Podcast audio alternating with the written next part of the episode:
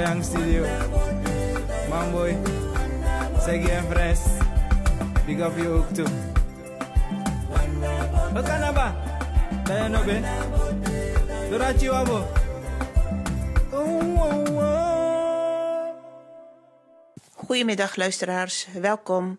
U bent afgestemd op Radio Surimama. Vandaag zondag 20 december 2020. Welkom nogmaals, trouwe luisteraars. Ja, vorige week is er het een en ander eh, verkeerd gelopen en waren we pas om vijf uur weer te horen. Vandaar dat ik weer wat herhaling ga laten horen aan de luisteraars vandaag. En eh, het gaat voornamelijk over de profetieën van de Hopis, de Mayas, Lakota's en over eh, de Amazone, de ontbossing en de bedreigde inheemse stammen. Daarnaast ook over ja, hoe Nederlanders in Amerika terecht zijn gekomen en Canada.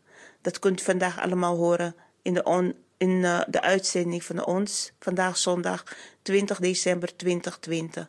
Ik zou zeggen, blijf u luisteren. Dit is Radio Surimama.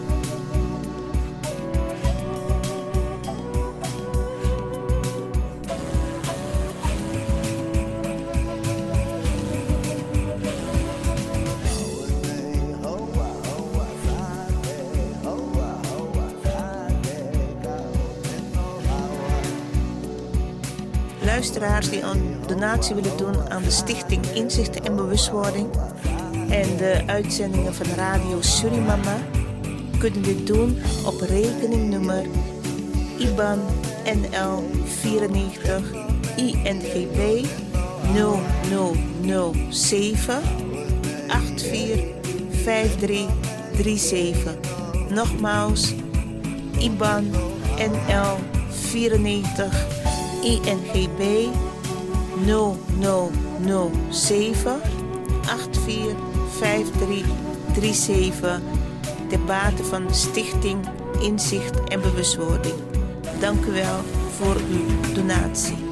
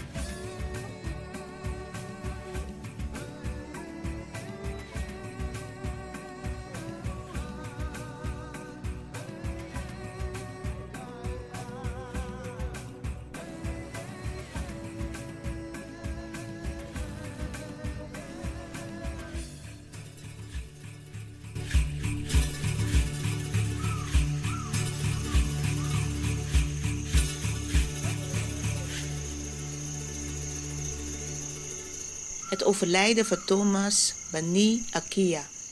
Op 6 februari 1999 overleed Thomas Bani Akia, een van de voormannen van de traditionele Hopi inheemsen. Voor de Hopi's heeft waarschijnlijk niemand meer het gezicht naar de buitenwereld bepaald als deze in 1910 geboren woordvoerder. Een terugblik op een kleurrijk en bewogen leven. Het woord Hopi betekent vredelievend volk op grond van dit principe weigerde de jonge Thomas Banyakia militaire dienst en moest hij in jaren 40 zeven jaar in de gevangenis doorbrengen. Toen hij uit zijn cel kwam, was de wereld ingrijpend veranderd. Duitsland en Japan hadden gecapituleerd voor de geallieerden en boven Hiroshima en Nagasaki waren twee atoombommen gedropt. Voor de Hopi's was deze atoomaanval de vervulling van een eeuwenoude profetie. Volgens die profetie zou er op een bepaald moment in de tijd een kruik met hete sintels op aarde vallen. Als dit zou gebeuren, zou dat betekenen dat de menselijke cultuur het einde van haar natuurlijke cirkel zou hebben bereikt en er een stadium van zuivering zou volgen. Voor verschillende geestelijke leiders uit de Hopi-dorpen was dit het moment om hun profetieën onderling te vergelijken en tot dan toe geheim gebleven kennis met elkaar te delen. Op een bijeenkomst in het dorp Shungupovi werd Thomas Bang, Skia aangesteld als, om als tolk de wereld te informeren over de Hopi-zienswijze. De rest van zijn leven heeft Thomas zich volledig toegewijd aan het uitvoeren van de taak, ondanks harde kritiek en sterke tegenwerking. Hij reisde de wereld rond om het waarschuwende geluid van de Hopi's te laten horen. Daarbij was hij persoonlijk een van de aandrijvers in de afgelopen decennia van de revival van de traditionele inheemse cultuur in Amerika. Hij leidde met zijn familie een eenvoudig leven, afhankelijk als hij was van donaties van mensen die zijn werk steunden. Keer op keer probeerden traditionele Hopis de regeringleiders in Washington te waarschuwen. In 1970 bijvoorbeeld, wanneer zij zich met de volgende boodschap richtten tot president Nixon. De blanke man, heeft door zijn ongevoeligheid voor de natuur het gezicht van moeder aarde geschonden. De geavanceerde technische macht van de blanke man is mogelijk geworden dankzij het gebrek aan respect voor de spirituele weg en voor de weg van alle levende dingen. De begeerte van de blanke man voor materiële bezittingen en macht heeft hem verblind voor de pijn die hij moeder aarde heeft aangedaan in zijn zoektocht naar wat hij natuurlijke hulpbronnen noemt. In het hele land is het water bedorven en is de aarde gebroken en geschonden en is de lucht vervuild. Levende wezens sterven door vergiften die de industrie heeft achtergelaten. En het pad van de grote geest is moeilijk zichtbaar geworden voor bijna alle mensen, zelfs voor vele inheemsen die hebben besloten om in plaats daarvan het pad van de blanke man te volgen, oftewel de welvaartmens. De bezorgde woorden zijn aan dovemans oren gericht. In 1972 is Thomas Bayakia aanwezig op de eerste grote internationale milieuconferentie in Stockholm, op het moment dat het milieu voor het eerst een issue begint te worden. Er zouden vele conferenties volgen. Twintig jaar later is Thomas opnieuw aan deze kant van de oceaan als prominente gast op de World Uranium Hearing in Salzburg. Thomas Bayakia had het gevoel dat de missie die hij zich in zijn leven had gesteld pas voltooid was toen hij, na vele jaren van tevergeefs proberen, in 1992 in staat was de Hopi-boodschap in het gebouw van de Verenigde Naties onder de aandacht van de verzamelde gedelegeerden te krijgen.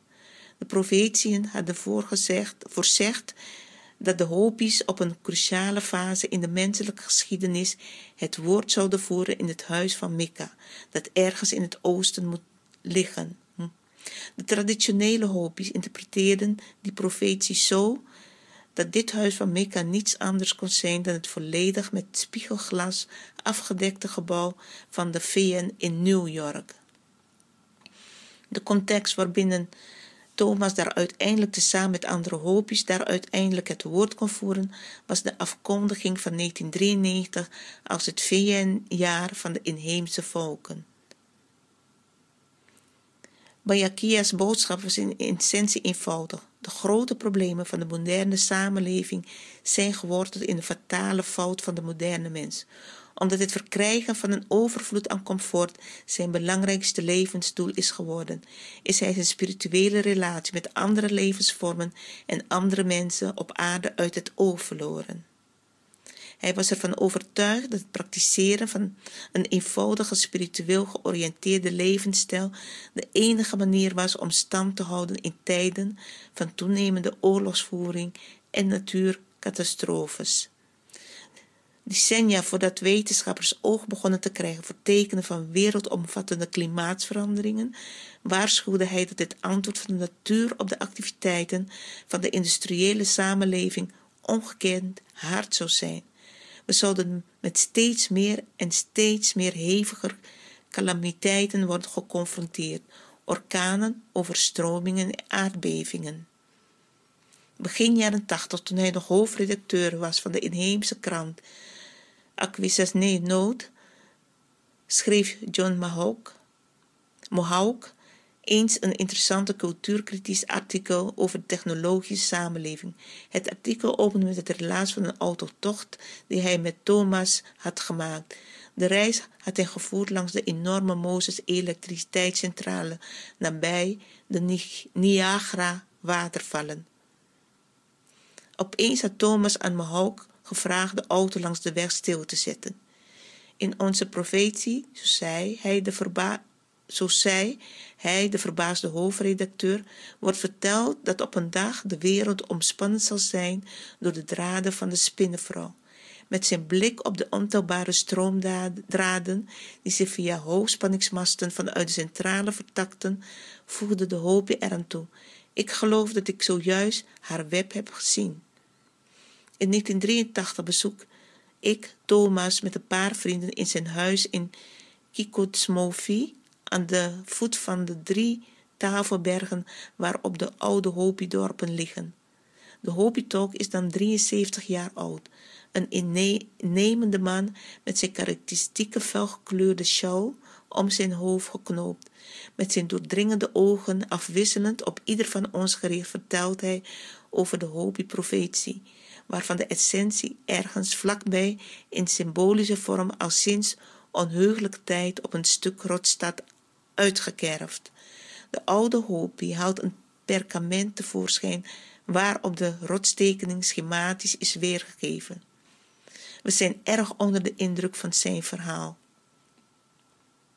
Wanneer we weer buiten staan besluiten om meteen naar het Hopi Cultureel Centrum te rijden, de enige uitspanning die er op het reservaat te vinden is. We pakken pen en papier en proberen elkaar aanvullend op te schrijven wat we net allemaal te horen hebben gekregen. We willen de woorden vasthouden om de ervaring niet te snel te vergeten. De een herinnert zich wat hij zei over afbeeldingen van mensen waarbij het hoofd is gescheiden van de romp wat mogelijk betekent dat het denken los is komen te staan van de rest van het lichaam, van het gevoel. De ander is vooral onder de indruk van wat Thomas zei over een deel van de tekening, waarop je een traditionele hopi ziet afgebeeld, wiens nederigheid is uitgedrukt, uitgedrukt door het feit dat hij alleen een maïsplantstok bij zich heeft, meer heeft hij niet nodig. En wat zei hij ook alweer over de dag van zuivering? Die onvermijdelijk komt als de blanke man, de westerse mens, zijn denken en handelen niet verandert. We zijn vooral geïntegreerd door het trappetje dat uiterst rechts op de rotstekening staat en in een grillige lijn naar boven leidt, naar de chaos, naar het niets. Dat is waar het op uitloopt als de industriële samenleving niet op zijn overmoedige schreden terugkeert. Een paar, jaar later, in 1986 of 1987, zie ik een foto van de Hopi-woordvoerder in de krant. De kleine Thomas Bayankia staat naast de breedgeschouderde en breed glimlachende filmacteur John Voight. De gevierde Hollywoodster heeft zijn arm om de Hopi inheemse gelegd. Hij wilde samen met Les Taylor een platform bieden om naar buiten te treden met zijn boodschap voor de mensheid. Er is een persconferentie belegd in een Hollywood-studio. Een droevig stemmenbeeld. De schuchtere Thomas die via de wereld van kids en illusie een hopeloos lijkende poging doet de rest van de wereld een door en door ernstige boodschap in te wrijven. Thuis krijgt hij naderhand de wind van voren. Veel andere hobby's, waaronder ook traditionele, hebben zich zeer aan de vertoning geërgerd. Hij zou er misschien wel veel geld voor hebben gekregen. Het zou hem gaan om zijn ego. Keer op keer kreeg Thomas dit soort kritiek en desondanks strekt hij er telkens weer op uit om de hobbyboodschap van vrede uit te dragen. In de hoop dat de mens, nu het nog kan, zijn fatale fout zal onderkennen en corrigeren. Op 28 februari, bij het krieken van de dag, komt een groepje inheemse bijeen op de top van een van de heuvels midden in San Francisco. Zij houden een sunrise ceremonie ter nagedachtenis van de overleden heilige man en staan stil bij het feit dat de wereld armer en leger is, nu een van hun grote spirituele leiders is gestorven geschreven door Jan van Boekel.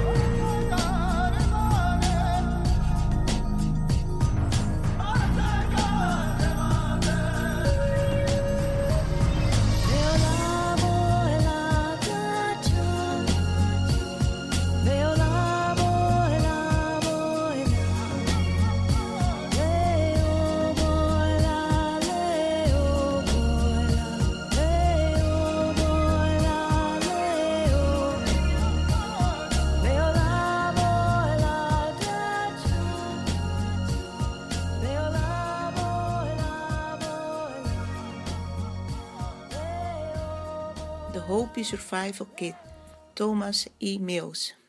De basis voor het spirituele leven van de Hopi inheemsen in Arizona in de VS is zo'n duizend jaar geleden gelegd door hun Messias massaal. Deze mythische buitenaardse figuur liet een filosofie van eenvoud en respect van de natuur achter. Daarnaast openbaarde hij een opmerkelijke profetie die al op veel punten is uitgekomen. Zijn lessen zijn krachtig geweest voor de spiritueel en cultureel rijke Hopi-beschaving. Helaas is het grootste deel van de traditie in de afgelopen eeuw vernietigd door goed bedoelde blanken. Onder het mom van godsdienst en beschaving werd de inheemse cultuur om zeep gebracht. Massaou leerde de Hopi om in de droge woestijn van Arizona niet alleen te overleven, maar zelfs op te bloeien. Hun landbouwmethoden zijn succesvol en respecteren de natuur. Ook liet hij een aantal voorspellingen achter, onder andere in beeldtaal op stenen tabletten. Deze zijn vergelijkbaar met die van Nostradamus, maar veel minder scriptisch. Zelfs moderne ontwikkelingen als auto's, vliegtuigen en telefoon, internet, communiceren via spinnenwebben zijn opgenomen. Maar ook maatschappelijke ontwikkelingen voor de Hopi en de wereld, vooral in de negatieve zin, worden in de voorspellingen besproken. De auteur Thomas Mills is een expert op het gebied van de inheemse Amerikaanse cultuur. Hij werd door de traditionele oudste van de stam uitgekozen om de boodschap aan de wereld door te geven. Het eerste deel van het boek is een beschrijving van de geschiedenis van de Hopi. Die bestaat hoofdzakelijk uit de schrijnende manier waarop de overheid van de VS dit volk heeft getracht de blanke vorm van beschaving bij te brengen. De technieken zijn gelijk aan soortgelijke benadering over de hele wereld, inclusief het uithuisplaats van kinderen, om een einde te maken aan hun traditionele opvoeding.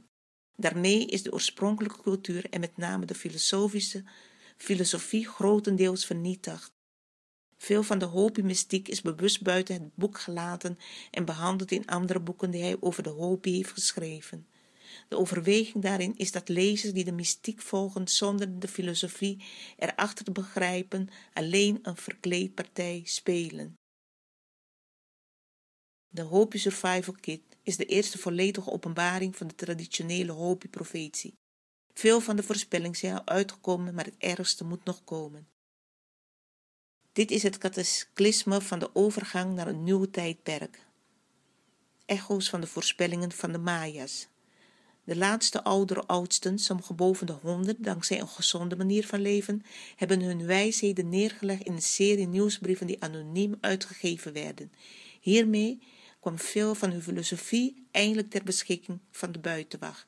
De brieven waren hoofdzakelijk bedoeld als boodschap van de traditionalisten aan de modernisten, beïnvloed door de blanken. Het land van de Hopi, wat er van over is door landjepik van de overheid en andere stammen, is heilige grond. Hierop willen de traditionalisten hun eeuwenoude manier van leven voortzetten en spirituele betekenis aan hun bestaan geven. Er is nog steeds een cultuur van origineel handwerk in de Hopi-plaatjes. De overheid wil toegang hiertoe beperken, om de cultuur te beschermen nadat ze zelf de meeste schade heeft aangericht. Dit eufemisme wordt gebruikt om de tribal council, die gedomineerd wordt door de tegenstanders van de traditionalisten, nog meer grip op de stam te laten krijgen. De controle die men wil uitoefenen gaat zo ver dat alle kunst alleen via de consul verkocht mag worden. Uiteraard kent deze dienstverlening een percentage voor bemiddeling. Inderdaad zijn de Hopi een microcosmos van de graaikultuur die overal op aarde toelaat. Het tweede deel van het boek bestaat uit de beschrijving van de boodschap van Massau. Zijn waarschuwingen zijn niet alleen van belang voor de Hopi, maar ook voor de rest van de wereld. De Hopi zijn ervan overtuigd dat hun beschaving en welvaart of tegenslag een weerspiegeling zijn van de gezondheid van de rest van de wereld. Hun land, en met name het stadje Houtvilla, is volgens hen een microcosmos van de wereld. Alles wat goed en slecht is, speelt zich daar in het klein af. En dat belooft niet veel goeds. Daarnaast zijn er instructies om wel op een verantwoorde manier met de aarde om te gaan. De filosofie van de Hopi culmineert in de beschrijving van een spirituele ark, waarin wij het dramatische einde van een eeuwenlange cyclus van vernietiging en heropbouw kunnen overleven. Maar de voorspellingen zijn niet absoluut. Er is gelegenheid om met de juiste aanpak de invloed van het cataclysme te verzachten en te overleven. Om te overleven, om de wereld te waarschuwen, hebben vertegenwoordigers van de Hopi diverse bezoeken gebracht aan de Verenigde Naties in New York. Daar werd met belangstelling geluisterd naar de boodschap van Massal. Maar de VN heeft er als tandeloze praatclub weinig constructiefs mee kunnen doen. Zeker omdat veel zaken pijnlijk zijn voor het gastland USA. Een indrukwekkende boodschap, al is de organisatie van de gegevens en de schrijfster van de auteur niet bijzonder bevorderlijk. Het is een beetje brommelig, maar de boodschap die de hoop is willen geven, die komen duidelijk naar voren.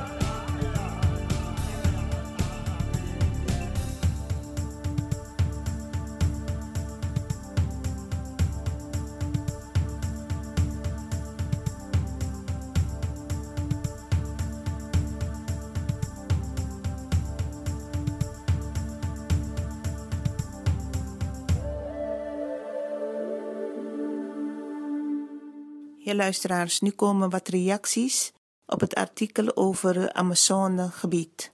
De mensen die het artikel hebben gelezen, geven hun reactie hierop. Inheemse bevolking Amazone bedreigd. Houthakkers komen dichterbij. 19 oktober 2018. Bron nu.nl. Houthakkers en landrovers bedreigen de inheemse bevolking in het Amazone-regenwoud in Brazilië. Ondanks wettelijke bescherming gaat de bomenkap in hoog tempo door. André Caripuna is bezorgd om zijn inheemse gemeenschap en de toekomst ziet er slecht uit. We zijn op onszelf aangewezen. Caripuna reist door Europa om de belangen van zijn gelijknamige gemeenschap onder aandacht te brengen. Nu.nl spreekt hem in Amsterdam voordat hij terugkeert naar Brazilië. Pas in de jaren 70 kwam de gemeenschap in contact met de overheidsinstanties die de Amazone beheren. Dat contact met de buitenwereld kwam de Caripuna duur te staan. We hadden eerst drie verschillende dorpen, maar een groot deel van onze gemeenschap is vermoord toen ons gebied werd geëxploiteerd voor rubber. De indringers doden ons en brachten ziektes als malaria, gele koorts en verkoudheid mee.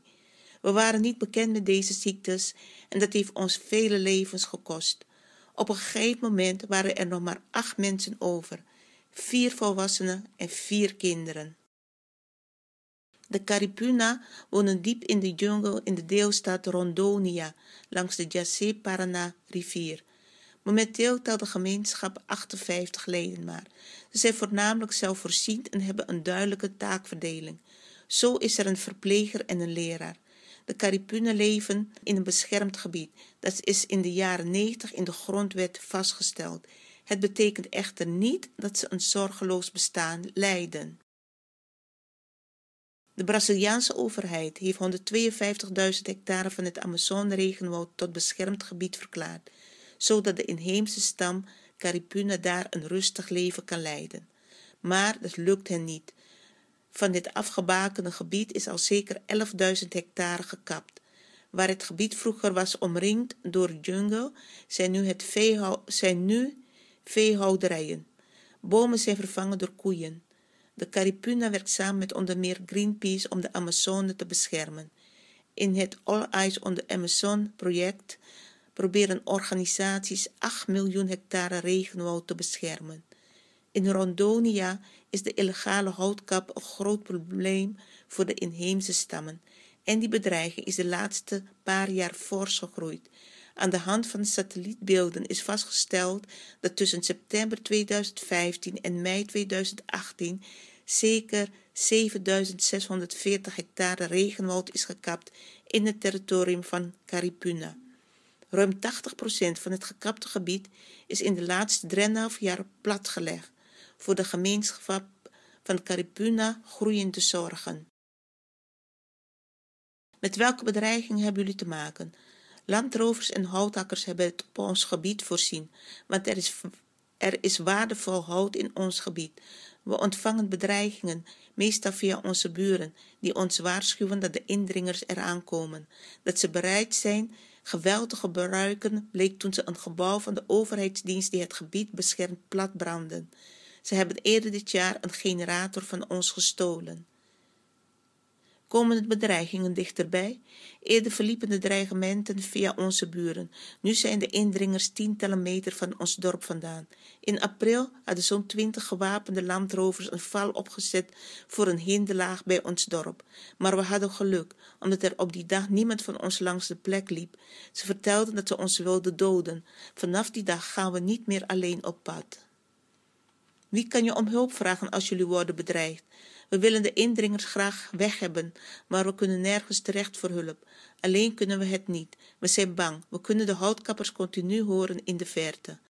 Caripuna lacht op de vraag wat de overheid voor zijn volk doet. Hij wijst op zijn rechten die in de grondwet zijn vastgelegd, maar die door de overheid worden weggegooid. De overheidsinstanties die de inheemse bevolking horen te helpen, worden steeds zwakker. Caripuna vertelt dat ze foto's en GPS-punten overhandigen om aan te tonen hoe ver de landrovers inmiddels zijn gevorderd. De instanties zeggen: bedankt, we lossen het op, maar vervolgens gebeurt er niks mee. We zijn op onszelf aangewezen. Ook het toekomstperspectief stemt Caripuna niet tot optimisme. Momenteel maakt Brazilië zich op voor de presidentsverkiezingen. In de tweede en laatste ronde neemt de rechtspopulistische Jair Bolsonaro het op tegen de socialistische Fernando Haddad. De eerstgenoemde gaat aan de leiding in de peilingen en het leidt tot extra zorgen bij de inheemse bevolking. Niet alleen wil Bolsonaro uit het VN-klimaatakkoord stappen en het ministerie van Milieu opheffen, hij heeft ook een nieuwe snelweg recht door het Amazonegebied aangekondigd. Bovendien wil hij de inheemse gebieden openstellen voor mijnactiviteiten. Milieuorganisaties als het Wereld Natuurfonds en Greenpeace zullen worden verbannen uit Brazilië. Bolsonaro hecht weinig belang aan de rechten van inheemse stammen. Minderheden moeten zich aanpassen aan de meerderheid, zei hij vorig jaar. Ze moeten zich aanpassen of verdwijnen. Hoe kijk je naar de politieke ontwikkelingen in Brazilië? Ik ben erg bezorgd. Bolsonaro wil al onze rechten wegnemen en winst maken op ons land. Hij heeft al gezegd dat geen enkel centimeter van het land zal worden behouden voor het inheemse volk. We zijn doodsbang dat ons land zal worden verkocht. Wat kunnen jullie doen om dat te proberen te voorkomen? Samen met leiders van andere inheemse gemeenschappen zijn we twee keer in de hoofdstad geweest om te praten met overheidsinstellingen en zelfs twee keer met de minister van Justitie. Hij beloofde politie te sturen, maar daar wachten wij nog steeds op. Krijgen jullie verder geen enkele vorm van hulp? Vlak bij ons gebied is een energiecentrale gebouwd. Als goedmaker zouden wij wat geld krijgen dat we konden gebruiken om ons gebied te beschermen. Maar dat hebben we niet ontvangen. Er kwam een gebouw van een overheidsinstelling die toezicht houdt. Maar het gebouw staat al lange tijd leeg en is overwoekerd met gras. Als Caripuna straks terugkeert naar zijn dorp, zal hij zijn familie en vrienden vertellen over zijn reis in Europa. Ik heb mijn best gedaan om over onze zorgen te vertellen, maar ik weet niet hoe de toekomst eruit ziet. We zijn bang om alles te verliezen. De natuur is alles voor ons.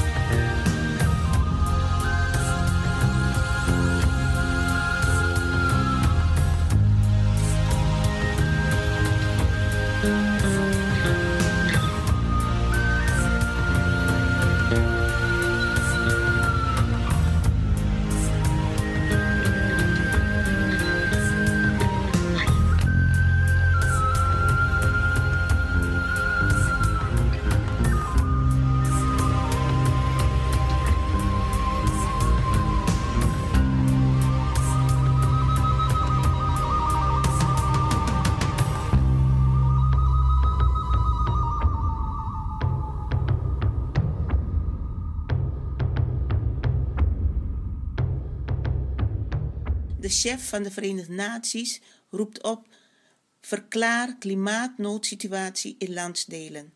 Wereldleiders zouden in hun land gebieden van klimaatnoodsituatie moeten afkondigen om actie te ondernemen om catastrofale opwarming van de aarde te voorkomen. Dat heeft de VN-secretaris-generaal Antonio Guterres vandaag zaterdag gezegd tijdens zijn openingstoespraak op een klimaattop. Op de vijfde verjaardag van het Klimaatakkoord van Parijs in 2015 zouden meer dan 70 wereldleiders de eendaagse virtuele bijeenkomst toespreken om een momentum te creëren voor veel zwaardere bezuinigingen op de uitstoot van opwarming van de aarde. Kan iemand nog steeds ontkennen dat we met een dramatische noodsituatie worden geconfronteerd? vroeg Guterres via video. Daarom roep ik vandaag alle leiders wereldwijd op om in hun land een klimaatnoodtoestand af te kondigen totdat koolstofneutraliteit is bereikt. Guterres zei dat de economische herstelpakketten die in de nasleep van de coronaviruspandemie werden gelanceerd, een kans waren om de overgang naar een koolstofarme toekomst te versnellen, maar waarschuwde dat dit niet snel genoeg gebeurde. Tot de leden van de G20 50% meer uit aan hun stimulerings- en reddingspakketten aan sectoren die verband houden met de productie en consumptie van fossiele brandstoffen dan aan koolstofarme energie. Aldus Guterres. Dit is onaanvaardbaar. De biljoenen dollars die nodig zijn voor het herstel van COVID is geld dat we van toekomstige generaties lenen, zei hij. We kunnen deze middelen niet gebruiken om beleid vast te leggen dat toekomstige generaties met een berg schulden op een gebroken planeet belast. Vrijdag kondigde Groot-Brittannië medegastheer van de top aan dat het op de top zou beloven de directe overheidssteun voor overzeese projecten voor fossiele brandstoffen stop te zetten, met als doel soortgelijke stappen van andere landen aan te moedigen om een verschuiving naar schonere energie te versnellen. De Britse premier Boris Johnson vertelde de top dat landen zouden kunnen samenwerken om de afhankelijkheid van fossiele brandstoffen radicaal te verminderen de landbouwpraktijken te veranderen en het proces te keren waarmee de mensheid eeuwenlang de planeet hult in een giftige theemuts van broeikasgassen. En tegelijkertijd kunnen we honderdduizenden banen creëren, miljoenen banen over de hele wereld, terwijl we collectief herstellen van het coronavirus, zei Johnson. Diplomaten kijken naar toespraken op de top voor tekenen van aanzienlijk sterkere klimaatbeloften van landen als China, India en Japan. De wijzigingen van de regenpatronen was een profetie die door meerdere stammen was overgeleverd en de veranderde regenpatronen luiden grote klimaatverandering in op aarde. Let wel, de inheemse spraken al van klimaatveranderingen en veranderde regenpatronen lang voordat eindelijk in het Westen officieel mocht worden gesproken over klimaatverandering, na de internationale klimaatconferentie. Tot die tijd worden de grote overstromingen en steeds frequentere natuurrampen nog stevast toegeschreven aan El Nino. Van het begin af aan heb ik de berichtgeving over El Nino gewantrouwd en als een doekje voor het bloeden beschouwd, bedoeld om de massa in toom te houden en ons niet ongerust te hoeven te maken. Niets aan de hand. We kunnen doorgaan met produceren en consumeren en hoeven ons nergens zorgen om te maken. Business as usual. Wanneer ik, na terugkeer van de bijeenkomst, in Europa sprak over de gedachten van de inheemsen met betrekking over het klimaat, werd stevast de opmerking naar me gemaakt: Oh, maar het is toch allemaal El Nino? Pas na de klimaatconferentie van 2000 begonnen de mensen om me heen wat minder afwijzend te staan ten opzichte van deze visie. Hoe individualistisch zijn we toch gewend te denken in het Westen? Tijdens een grote Maya-ceremonie op het middenveld tegen het vallen van de avond nam zwervende wolf het woord. In de kring was een vuur ontstoken vol offergaven, mais, kaarsen, wierook. Het werd geofferd aan de kracht van de dag volgens de Maya-kalender, de dag 4. Later zou me nog duidelijk worden hoe de Maya-rituelen altijd samenhingen met hun heilige Tzolkin-kalender. Tzolkin-kalender. De Meso-Amerikaanse kalender die naar eigen zeggen ouder was dan 20.000 jaar. De ceremonies die we gemeenschappelijk hebben uitgevoerd en de gebeden die we aan voorouders hebben gericht, zullen hen eraan herinneren dat nu het juiste tijdstip is gekomen voor hun terugkeer. Ze zullen ons de juiste weg wijzen en terugkeren in onze kinderen, in de kinderen van de hele wereld, om ons tot de juiste beslissing te helpen, te helpen komen en ons tot samenwerking en vrede te leiden. Wij inheemsen zijn treurig, want onze bossen, onze velden en onze mensen sterven. De lucht die we inademen is vervuild geraakt. We denken niet meer aan onze kinderen, aan de toekomstige generaties. Waar blijft onze broeder de leeuw en tijger? Ze bestaat al bijna niet meer. Mijn broeder de wolf is ook niet meer hier. De aders van onze moeder aarde, de rivieren, zijn vervuild. De bomen, onze eigen longen. Wij sterven. Bomen, rivieren en dieren, dat zijn wij zelf. Iedereen van ons wenst toch gezondheid en vrijheid? Dat wensen echter niet alleen de mensen, ook de dieren en planten willen in harmonie kunnen leven. Daarom zijn we hier samengekomen, lieve broeders en zusters van inheemse volkeren. Wij denken en voelen nog met onze moeder aarde. En we hebben allemaal dezelfde wens, mogen de mensheid ophouden met de vernietiging van de dieren, de planten en onze omgeving. Het is voor ons niet eenvoudig uit te drukken wat we werkelijk met elkaar en in gemeenschappelijkheid willen. We hebben met de brugpersoon documenten vervaardigd om nogmaals onze positie duidelijk te maken en de politieke machthebbers aan gerechtigheid en menselijkheid te herinneren. We zijn met zeer velen en we zijn zeer verschillend van elkaar. Iedere aanwezige heeft weliswaar nog zijn eigen levensvorm, zijn cultuur, zijn vorm van ceremonies en gebeden maar sommigen van ons hebben al hun moedertaal verloren. Wat we echter weten is dat onze aarde, dieren en planten levende wezens zijn. Ze zijn allemaal een deel van ons. Wanneer we de natuur als dood ervaren, dan is dat een teken dat we zelf ook sterven zullen. We hebben nog vele verhalen en legendes van onze voorouders, en die spreken allemaal erover dat alles geest en leven in zich draagt. We zijn één met Moeder Aarde en dit weten willen we iedereen aanbieden die het in deze tijd van ommekeer weer opzoekt. Wij, representanten van de inheemse stammen, zijn hier bij elkaar verzameld en verheffen onze stemmen voor alle volkeren van de wereld om te zeggen: wij leren veel van jullie en jullie kunnen veel van ons leren. Wij horen nog de stemmen van onze voorouders. Wij voelen nog de wezens van de aarde van het water en we spreken het als onze voorouders met het vuur. Dat is iets wat we allemaal gemeenschappelijk hebben. Dit weten over het leven is niet alleen aan inheemsen voorbehouden. Alle mensen moeten deze stemmen weer waarnemen en naar luisteren. Ja, luisteraars, we zijn aan het eind van het eerste uur gekomen. We gaan zo naar het nieuws over naar het tweede uur. Ik zou zeggen, blijf u luisteren. Dit is Radio Surimama. Nogmaals, dit is Radio Surimama en geen Radio de Leon. Bij deze, tot straks.